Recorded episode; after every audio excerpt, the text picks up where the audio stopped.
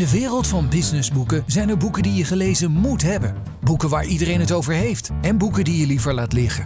Thijs Peters en Remy Gilling gidsen je door de jungle van nieuwe businessboeken. In de Business Books Podcast.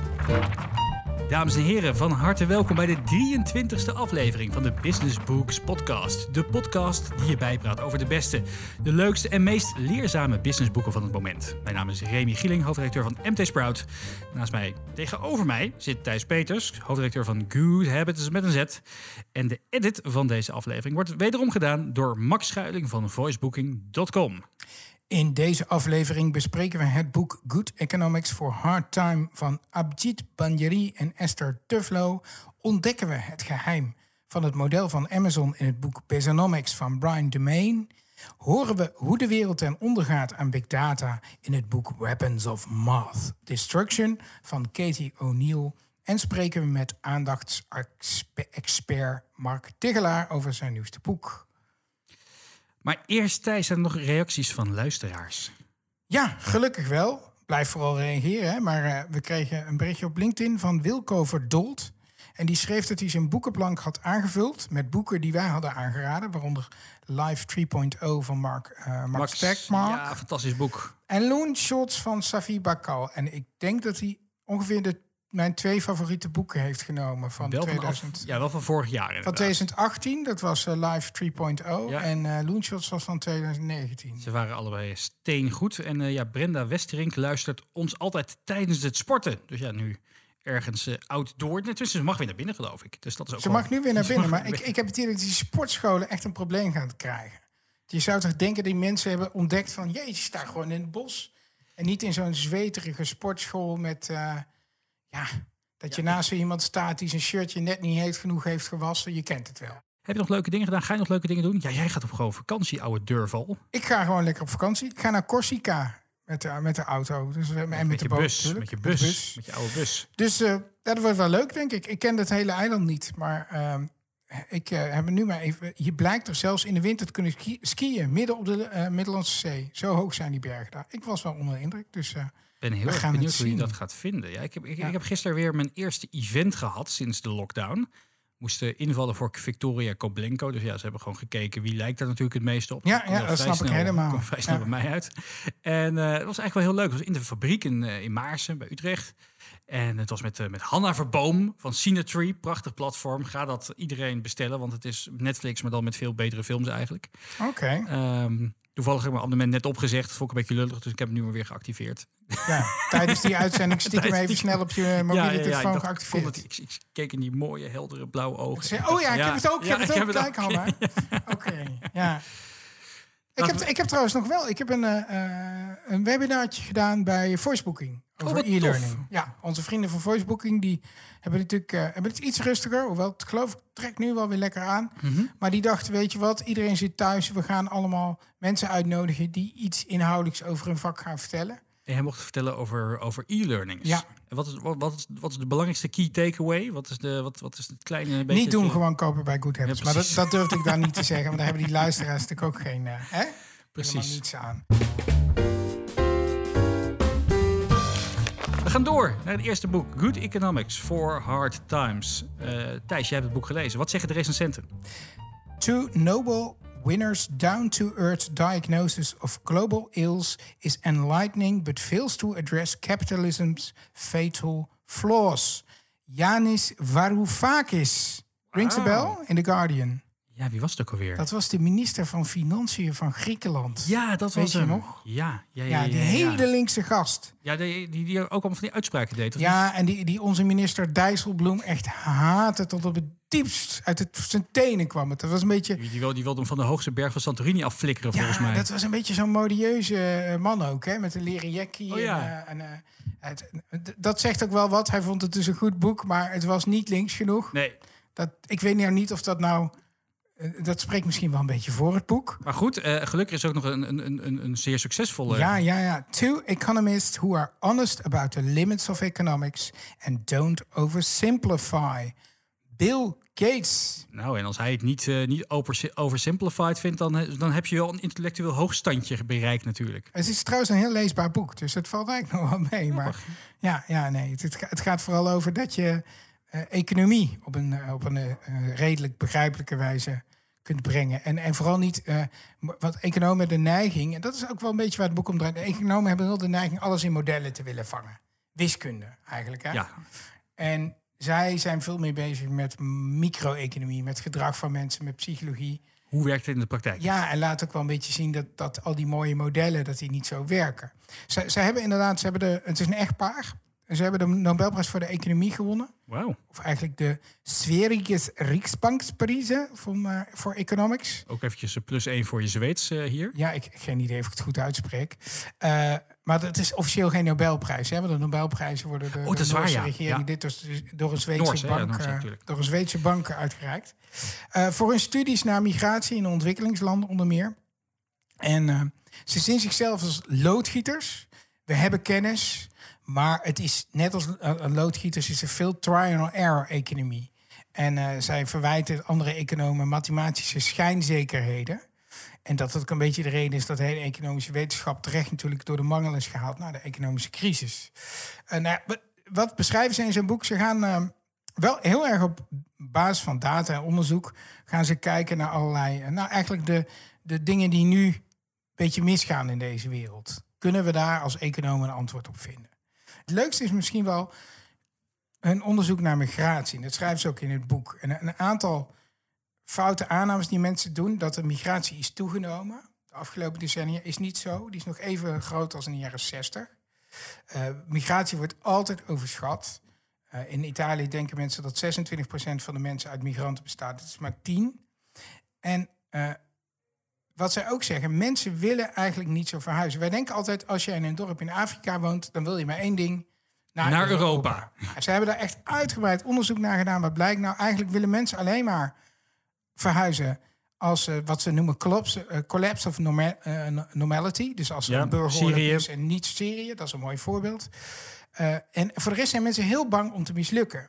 Dus als, als je mensen zegt, je mag, eh, in Bangladesh hebben ze on- veel onderzoeken gedaan, je mag naar Dakar, naar de grote stad, om en dan heb je zoveel kans op een baan en meer inkomen. Maar het idee dat er een kans is dat als je daarheen gaat en je komt terug en moet je aan je familie zeggen, ja, sorry, het is niet gelukt, is voor heel veel mensen gewoon een reden om te blijven. En een van de, de- van de meest opzienbarende dingen voor mij was... in de VS heb je die, die Rust Belt rond Detroit. Hè? Al die, eh, nou ja, die, die, die, die, die witte arbeiders, de, de, de achterban van Trump...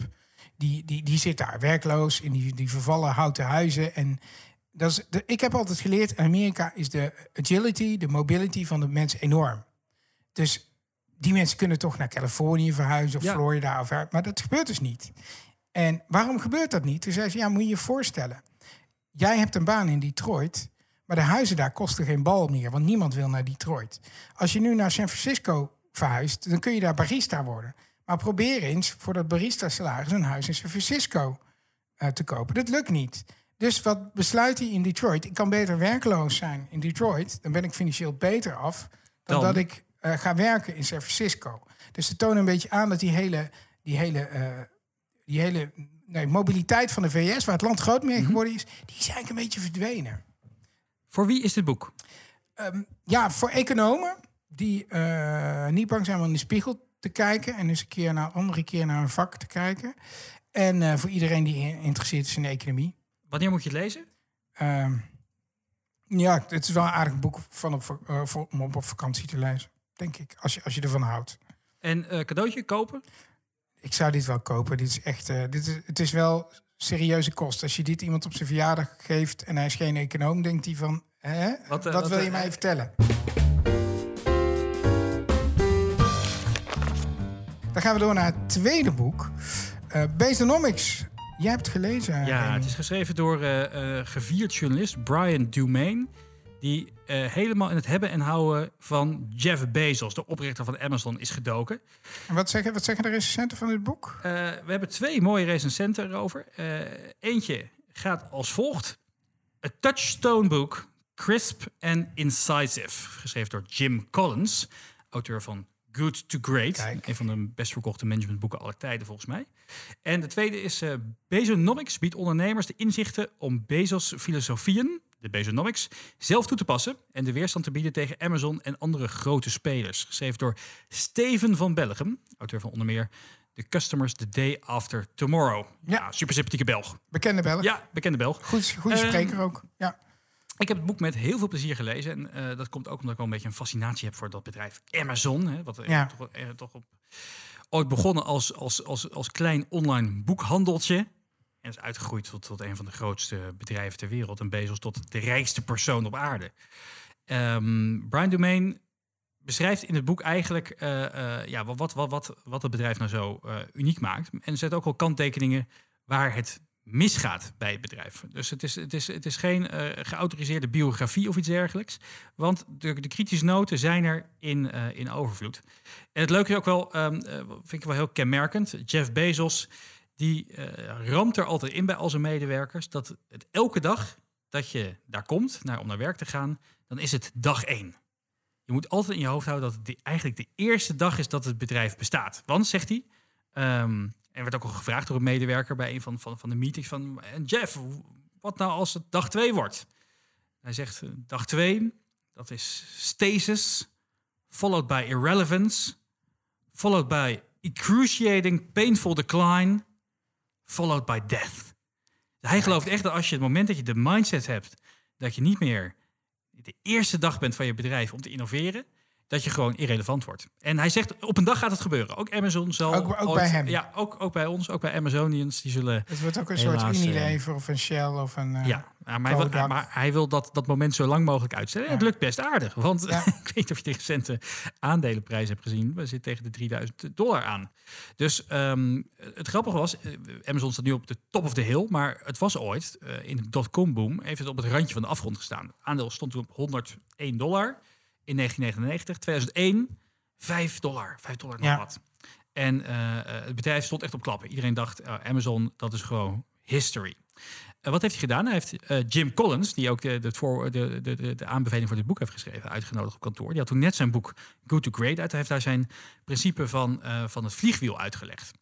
Dus het vliegwiel is eigenlijk, ehm, eh, je moet niet je bedrijf verbeteren met één keer een hele grote, grote verandering, maar steeds met hele kleine stapjes een vliegwiel aan, aanjagen. En op het moment dat je het momentum hebt gepakt, steeds zorgen dat het, dat het vliegwiel blijft draaien. Zou je dan ook kunnen stellen dat, dat Amazon voor de do- dotcom-boom eigenlijk een gewone webwinkel was, zoals vele Ja. andere die omvergevallen zijn, zoals wine.com en weet ik Absoluut, allemaal? ja, Dat, is, dat is een goede analyse. Eh, en wat zij dus hebben gedaan, is, is met dat vliegwiel-effect in gedachten hebben ze bedacht van, nou, wat kunnen we doen om, eh, om, om, om, de klant zo goed mogelijk te helpen? Nou, dat betekent eh, eh, zo groot mogelijk aanbod. En dat betekent zo laag mogelijke prijzen. Eh, een zo groot mogelijk aanbod, zo laag mogelijke prijzen betekent dat veel mensen naar ons platform komen. Wat betekent dat? Dat ook andere mensen op, op ons platform willen staan. Third-party sellers. Dat betekent weer dat we nog groter aanbod hebben. Dat betekent weer dat er nog meer klanten komen. Dat betekent dat we groter kunnen inkopen. En dat betekent dus dat onze pri- prijzen nog lager kunnen krijgen. Waardoor dat, zeg maar, dat is dat vliegwiel-effect waar hij het over heeft. En ehm, dat heeft hij aangevuld eigenlijk met kunstmatige intelligentie. Eh, Amazon is misschien wel het meest data-driven bedrijf ter wereld. Ja. Hun algoritmes eh, houden van alle verkopen die ze doen, nauwlettend bij. En op het moment dat ze zien dat, dat bijvoorbeeld jij gaat eh, roze babysokjes verkopen op Amazon en dat loopt goed, nou, dan is Amazon als eerste erbij om in bulk onder zijn eigen label roze babysokjes Ja, te gaan produceren en onder, onder, onder jouw kostprijs te gaan zitten. Ja, ja. Fijn, hè? Ja. Ik, ik heb ook wel eens gehoord dat, dat hun, eh, hun algoritme zal zo goed werken dat als ik... eh, eh, dat ze zelfs al bezig zijn dat als ik op een website en ik klik op een advertentie ergens van een product, ik klik Ja. gewoon op het ding, maar ik bestel nog niks, dat zij het toch al van het ene warenhuis naar het andere in jouw buurt, omdat ze kunnen berekenen, nou, de kans dat jij dit nog gaat kopen is waarschijnlijk al zo groot dat het voor ons goedkoper is, omdat, nou, ik noem maar eens even, de prullenbak, Ja. die, wa- waarvan je de advertentie hebt aangeklikt, dat je die waarschijnlijk, zo waarschijnlijk gaat kopen dat het voor ons goedkoper is om alvast in het warehouse dicht bij jouw huis te zetten, dan het risico te lopen dat je hem toch koopt en dan we hem uit de andere kant van het land moeten. Het is ongelooflijk. Voor wie is dit boek? Iedereen die houdt van, een, eh, van, een, van, van, van, van briljante geesten en een eh, ondernemende mindset. Kijk. Je kan er echt wat van leren. Wanneer moet je het lezen? Ja, ik zou het ehm, net nadat je een pakketje hebt besteld bij Amazon. Ja? Dan heb je echt het idee van, ah, wauw, nu weet ik wat er al, wat voor moeite erachter zit om dat ding op, bij me op de deurmat te krijgen. Ja, nou, dat vind ik wel een goed idee. Ja. En eh cadeautje of kopen? Het is, een leu- het, is een- het is leuk om voor jezelf te kopen. Ehm, het is ook leuk om te geven. Aan iemand die net een webwinkel in babyrompertjes is begonnen. Precies. Die kunnen dan Amazon en dan loopt het. En dan ben je business binnen een dag kwijt omdat Amazon besloten heeft op het ook te gaan doen. Ja, nou, mijn oud-compagnon is net een webshop in flashcards begonnen. Dus ik ga het aan hem geven. En ik ga het aan Thijs geven. Dan gaan we door naar een interview. Mark Tigelaar, de aandachtsgoeroe, de nieuwe aandachtsgoeroe van Nederland. Kunnen we dat stellen, Remy? Ja, zeker. Hij deelt een aantal inzichten. Het boek gaat over focus, Ja. nou, productiviteit. Maar wat eh, even de probleemstelling. Wat is het probleem bij mensen op het gebied van focus? Nou, Als je niet focust, staat het gelijk aan een toename in stress en een verdaling in je productiviteit. Eh, gek genoeg heeft het ook een invloed op je geluksniveau. Eh, onderzoek van Harvard laat zien dat als jij afdwaalt met je gedachten, is het of naar het verleden of naar de toekomst. Het kunnen zowel positieve als negatieve dingen zijn, dat hè, de inhoud daar gelaten. Maar het afdwalen aan zich, dus niet in het moment zijn, staat gelijk aan ongelukkig zijn. Ook al denk je aan leuke dingen in het verleden of leuke dingen in de toekomst, het is, je bent gelukzaliger als je echt in het moment bent. En dus niet gefocust zijn is ook gewoon ongezond, hoor ik je zeggen. Ja, absoluut. Het is eh, ongelukkig, ongezond en onhandig om te doen. Nou, gelukkig geef je in het boek praktische handvaten. Ja. Eh, je benoemt vier lekken. Vier lekken waardoor onze aandacht versnippert. Waardoor we ons Exact. niet focussen op een taak. Exact. We gaan ze allemaal behandelen met een Ja. praktische tip. Top. Eh, kan je ze eerst alle vier benoemen? Ja, nou, er zijn eh, eh, in willekeurige volgorde. Eh, vaak wordt gedacht, eh, ik word zo snel afgeleid door mijn telefoon of e-mail of et cetera. Collega's of eh, partner of kinderen. Externe prikkels noemen we dat. Nou, dat is zeker een concentratielek. Is gek genoeg niet de belangrijkste. Een ander concentratielek, de interne prikkels, is je eigen hoofd. Dus taken waar je aan moet denken, emoties die je, eh, zo positief als negatief of nieuwe ideeën. Eh, dan heb je brandstof, eh, energie, eh, concentratielek. Als je te weinig brandstof hebt, dan functioneert je hoofd niet goed en dwaal je af. En de laatste is, is niet zo mooi voor Nederlands nog, is te weinig engagement, te weinig uitdaging of te weinig prikkeling. Als iets te saai is, te simpel is of te traag gaat voor je, dan dwaalt ons hoofd, eh, dwaalt ons hoofd al heel snel af naar iets anders, wat wel boeiend is. Dus dat zijn de vier thema's. Externe prikkels, interne prikkels, eh, brandstof of energie en engagement. Nou, allereerst de externe prikkel. Soms wordt de tip gegeven, oh, sluit dan al je eh, notificaties uit. Daar ben ik niet zo'n voorstander van, want het, kan ook super handig zijn. Maar eigenlijk gaat het over een iets breder thema, bereikbaar zijn versus productief, eh, productief zijn. Dus regel met je omgeving, met je collega's bijvoorbeeld, met klanten, met je partner, eh, wanneer je bereikbaar wilt zijn en hoe je bereikbaar wilt zijn. En hoe snel je op een bepaald kanaal moet reageren. eh, versus wanneer je productief wilt zijn en dus even wilt afsluiten. Een aantal buurtvrije momenten inbouwen, een aantal focusmomenten inbouwen, is mijn ogen cruciaal voor, eh, voor een gelukzalig gevoel, voor productiviteit, verhogend, stressverlagend. Zeggen wel eens one hour of focus a day keeps the doctor away. De nummer twee, eh, Nummer twee is de eh, interne interne prikkel. prikkels, is je eigen hoofd. Een belangrijk onderdeel is, dat heeft heel erg een raakvlak met getting things done. Leeg je hoofd de hele dag door. Eh, David Allen doet dat heel erg voor taken. Nou, uiteraard een hele belangrijke. Voor de meesten is dat ook de belangrijkste. En een stukje ideeën. Maar idem geldt ook voor emoties. En dat wordt vaak over het hoofd gezien. Want emoties heb je vaak veel minder grip op. Een, eh, een taak, ja, die kun je afvinken. En als die af is gevinkt, de kans dat je nog denkt aan taken die je twee weken geleden met succes hebt afgerond, is niet zo groot. Maar een belletje wat je hebt geda- gedaan met iemand wat niet zo lekker liep, of een gesprek wat niet zo lekker liep, ja, dat, de emotie van het gesprek kan blijven hangen, ondanks dat er misschien geen vervolgtaak aan zit. Dus ook daar is de taak, leeg die emoties. En ook daar werkt een systeem, heet het piekerkwartiertje. Piekerkwartiertje is heel veel onderzoek naar gedaan op de VU. Bewust dingen opschrijven op papier, dingen die je, die je dwars zitten, is onwijs gezond om te doen. Want De derde is eh, eh, ja, je, je mentale brandstof. Exact. En die mentale brandstof is een cruciaal onderdeel. Als je dat onderdeel niet goed functioneert, dan kan je afgeleid worden door een mug. En ben je gigantisch kwetsbaar voor emoties, gigantisch kwetsbaar voor stress. En is je focus eh, nou, een, helemaal weg. Dus opladen is belangrijk. Hoe je oplaadt verschilt een per persoon. Maar er zijn twee criteria waar het aan moet voldoen om een goede pauze te zijn. En het eerste criterium is: zorg dat je geen nieuwe informatie opneemt. Dat is, dat is onderdeel 1.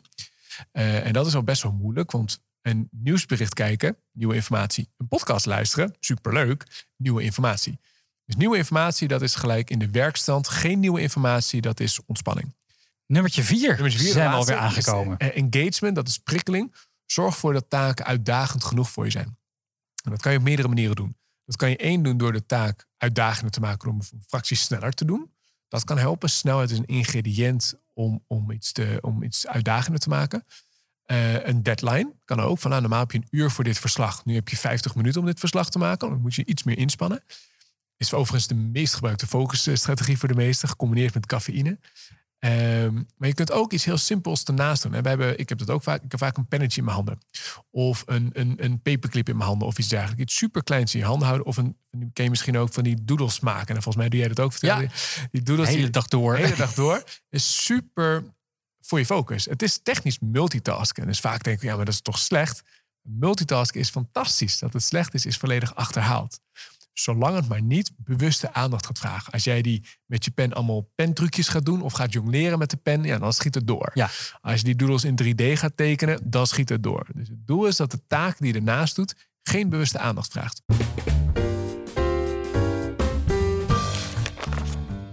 Dan gaan we naar boek 4, Weapons of Math Destruction. How Big da- Data Increases Inequality and Threatens Democracy. De, ik vind, oh, tromgeroffel, wat een titel, heerlijk. Het is een mooie titel, Math? Destruction. Ik vind de titel fantastisch. En eh, met mij ook eh, Yuval Noah Harari. Want hij zegt fascinating and deeply disturbing. En eh, de Financial Ti- Times schrijft relevant and urgent. Ja. Vertel wat over. Katie McNeil heeft het boek geschreven. Wie is Katie McNeil? Ja, we Katie McNeil is een eh, wiskundige, een quant. Want ze heeft eh, bij, eh, bij de, bij de, bij de hedge funds gewerkt. voordat ze, voordat ze in, de, in de inequality van big data dook. Ehm, eh, dus ja, zij, zij weet gewoon, zij is een wiskundige, ze houdt van data. Ze, is eh, altijd fan geweest eh, van data. En ze is erachter gekomen dat in die, al, die, al die algoritmes, al die, al die mod- computermodellen die we gebruiken, dat er gewoon heel veel injustice en inequality in zat. En ze heeft in het boek samengevat hoe dat in de praktijk tot zijn recht komt. En het is inderdaad best wel pijnlijk. En, en hoogst urgent, omdat steeds meer bedrijven natuurlijk gebruik maken van algoritmes om tot beslissingen te komen. En overheden. Ze beschrijft bijvoorbeeld ehm, eh, over een, een, een, een, scho- een, een, een schoolgemeenschap in de buurt van Washington. En die deed, het- deed het niet zo goed. Wat besloot die scholengemeenschap? We moeten een programma eh, gaan opstellen om te zorgen dat, eh, dat eh, we de beste docenten aan boord houden en dat we de, de slechtste, eh, slechtste docenten zo snel mogelijk lozen. Nou, dat klinkt als een goed plan. Ja, Nou, dat wil ze niet, niet, niet, niet handmatig doen, dus be- besloten om een bedrijfje in te huren eh, die een algoritme daarvoor zou maken. En eh, wat, wat, bedacht dat, wat bedacht bedrijf? Nou, we gaan, eh, we gaan meten hoe, eh, hoe, de, hoe, de, hoe de klas presteert ten opzichte van het jaar daarvoor. Dus we gaan docenten afrekenen op de prestaties van de klas ten opzichte van het jaar daarvoor. Daar kwamen een aantal docenten op een gegeven moment achter. En die besloten dus van, nou, ik wil gewoon graag mijn baantje houden. Dus ik ga mijn, mijn, mijn testscores een beetje manipuleren, manipu helpen. Ik, ik zorg dat die leerlingen allemaal gewoon net even wat beter scoren op die toetsen... door ze gewoon wat antwoorden in te fluisteren. ja. Wat gebeurde? Het jaar erop komt een docent die wel eh, enig ethisch besef had. En ja, die, die, die, die leerlingen scoren één keer geen achter meer, maar zes of zevens. Dus er wordt gewoon iemand ontslagen door een algoritme. En ze konden. en, en, en, ze, en ze begrepen zelf niks van. En, ze, en, en de mensen eromheen begrepen er niks van. Want het was een hartstikke goede docent. Maar het is wel schokkend om, om dit te lezen. Eh, het, het gaat over, ehm, over, ehm, over een, een, een systeem die wordt gebruikt in Amerika. Eh, dat heet, dat heet eh, eh, moet ik even snel opzoeken. Kan ik dat vinden? Want ik vond het een mooie naam. Chronos, geloof ik, heet het. Ja, Chronos. En eh, dat, eh, dat, dat is een soort online toets, die, eh, een soort online assessment, die, die veel bedrijven gebruiken als medewerkers eh, ja, in dienst willen komen. Alleen eh, dat, dat, dat systeem, dat, dat, dat gebruikt allemaal psychologische trucjes om te achterhalen of jij misschien wel eens eh, in het verleden ja, burn-outs hebt gehad of, of, of last hebt gehad van psychiatrische proble- problemen. En ehm, eh, als, je dat, als dat systeem denkt dat je dat hebt gehad, dan, word je gewoon, krijg je een red flag, dan word je niet aangenomen. Dus iemand die was, was afgestudeerd, was jong, was eager, had zin om te beginnen op de arbeidsmarkt, maar moest elke keer via het systeem een sollicitatie doen. En elke keer werd, kwam je dus niet door, totdat ze een rechtszaak zijn begonnen. Ze kwamen erachter, ja, dat systeem heeft, heeft gewoon achterhaald dat je eh geestesproblemen hebt gehad. Ja, en dat, dat, dat zijn van die, van die black box-achtige eh, problemen die, eh, die, die voor het individu heel vervelend kunnen uitpakken. Ja. Ze zeggen ook, het, het, het ergste is nog wel dat, dat wie gaat hier het meest last van krijgen? Dat is de onderkant van de maatschappij. Als je rijke bent, als je vermogend bent, dan word je altijd als individu behandeld, weet je wel. Dan ga je naar een persoonlijke bankier en die lost dingen voor je op. Dan heb je een lawyer die gaat dingen voor je oplossen. Dan heb je een bankier. Nou, je- eh, iedereen, je, je krijgt een voorkeursbehandeling. Die algoritmes zijn bedoeld voor de massa. En de massa is vaak de, de onderlaag van de samenleving die ook niet eh, eh, de middelen heeft om, om op te staan op het moment dat ze het idee hebben dat ze oneerlijk behandeld worden. Voor wie is dit boek? Ja, het boek is ehm, iedereen eigenlijk die data-driven wil ondernemen. Dat zou eigenlijk iedereen moeten zijn. Eh, is het echt wel eventjes goed om dit boek te lezen? Lees lekker weg. Het zijn een beetje Amerikaanse voorbeelden, maar dat moet je even doorheen prikken. Eh, eh, en het zet je gewoon wel even aan denken. Ja, en ehm, wanneer? Ik denk na een dagje flink computeren. Heb je veel algoritmes op je af hebt gehad? Dan kan je, kan je kijken of je zelf ook misschien oneerlijk bent behandeld. Ja, dan ben je lekker paranoïde en dan ga je lekker slapen, denk ik. Cadeautje verkopen. Ik zou hem kopen, want ik denk niet dat iemand hem eh, eh, gaat vinden om voor je cadeau te doen. Hey, eh, heb je nog tips? Ja, ik heb de beste podcast ooit ontdekt. Het is een fantastisch verhaal. Het heet The Case of the Missing Crypto Queen. Het, gaat, over een, het gaat over OneCoin, een piramidespel. Eh, wat, eh, wat beloofde zeg maar, de, de, de, de volgende cryptocurrency te worden, de volgende bitcoin. En de bedenker daarvan, een of andere Bulgaarse dame, dokter, eh, zo noemde zich ook altijd dokter, eh, bla bla bla bla bla. Eh, en en die, die, die, die, dat, dat, dat, dat, dat, dat, platform, dat, dat, dat multilevel marketing heeft miljarden verbrand. En dat geld is allemaal weg. En die vrouw ook. En een Britse journalist van de BBC gaat op onderzoek uit waar die vrouw kan zijn. Ja, het is echt oh, Klinkt als een schitterend. thriller. Ja, ik heb het eh, als tip gekregen van Koos eh, ter voorde van de Microphone Media. Ik heb, ook, ik heb ook een podcast. Ga even iets laten horen. Misschien ken je het nummer. Of eh, misschien ben je wel te jong ervoor. Follow the Moskwa down to Gonky Park, listening to the wind of change. An August summer soldiers passing by, listening to the wind of change. Wind of Change van de Scorpions. Een Duitse eh, metal, light metal band uit de jaar, vanaf de jaren 70, 80, 90. Dit nummer, Wind of Change, eh, kwam uit in 1990, volgens mij 1991. En was een hele Wind of Change, val van de muur. Eh, nou, was toen een hele grote hit, met name in Europa en in Oost-Europa. Daarom ken ik het nummer ook. In Rusland hoorde je het heel vaak op de radio. Eh, er is een podcast over gemaakt, want eh, twee journalisten in Amerika die hadden opgevangen dat dit nummer dus geschreven is door de CIA. En dus de hele podcast gaan ze, bespreken ze met oud geheim agenten van zou het mogelijk zijn dat dit nummer met de CIA eh, door de CIA eh, geschreven is. En zo duiken ze. Ze gaan naar Rusland, ze gaan naar Oekraïne, ze duiken de muziekindustrie in, spelen, eh, spreken met bandleden, ontdekken dat Nina Simone en Louis Armstrong ooit door de CIA zijn gebruikt om, om Afrika niet communistisch te laten worden. Dus ze duiken helemaal in die, in die, die culturele oorlogvoering van de CIA. Ik ga niet ver- verraden of Wind of Change dit, dit de, ooit de nummer één hit in Nederland volgens mij ook, of in ieder geval hoog genoteerd, of dat ook echt door geheim agenten is geschreven. Maar het is een. eh, een eh, Hoe heet de podcast? Wind of Change. Heet Wind of. Change? Ja, Wind of Change naar het nummer. Ik ga hem luisteren. Ik heb er eh, veel zin in. Thijs, dit was het, eh, alweer het einde van de podcast. Ik wens jou natuurlijk een hele fijne vakantie. Ja, dankjewel. En, jij eh, hebt, eh, jij hebt eh, iets te doen, hè? Jij Ja, moet ik ga, aan de ik- bak. Ik, ik, ik ga zelf een boek schrijven. Dus ik eh, ga lekker eh, twee maanden me opsluiten. Dat was hem. Dank voor het luisteren. Wil je ons een plezier doen? Laat even een reactie achter op, eh, op LinkedIn. En eh, tag ons daarin. Thijs Peters en Remy Gieling. Wat je van de podcast vindt, dat vinden we A, heel erg leuk om te horen. En het helpt ook de podcast om beter gevonden te worden. En vergeet je niet te abonneren Ja. via Ja, je Spotify, favoriete Soundcloud podcast-app. of Apple Podcast. Heel erg bedankt voor het luisteren. En graag tot de volgende keer. Tot zover de Business Books Podcast. Meer afleveringen luisteren? Abonneer je via iTunes of Soundcloud en krijg een melding wanneer er een nieuwe aflevering live gaat. De Business Books Podcast is een uitgave van Sprout en Management Team en wordt geproduceerd door voicebooking.com.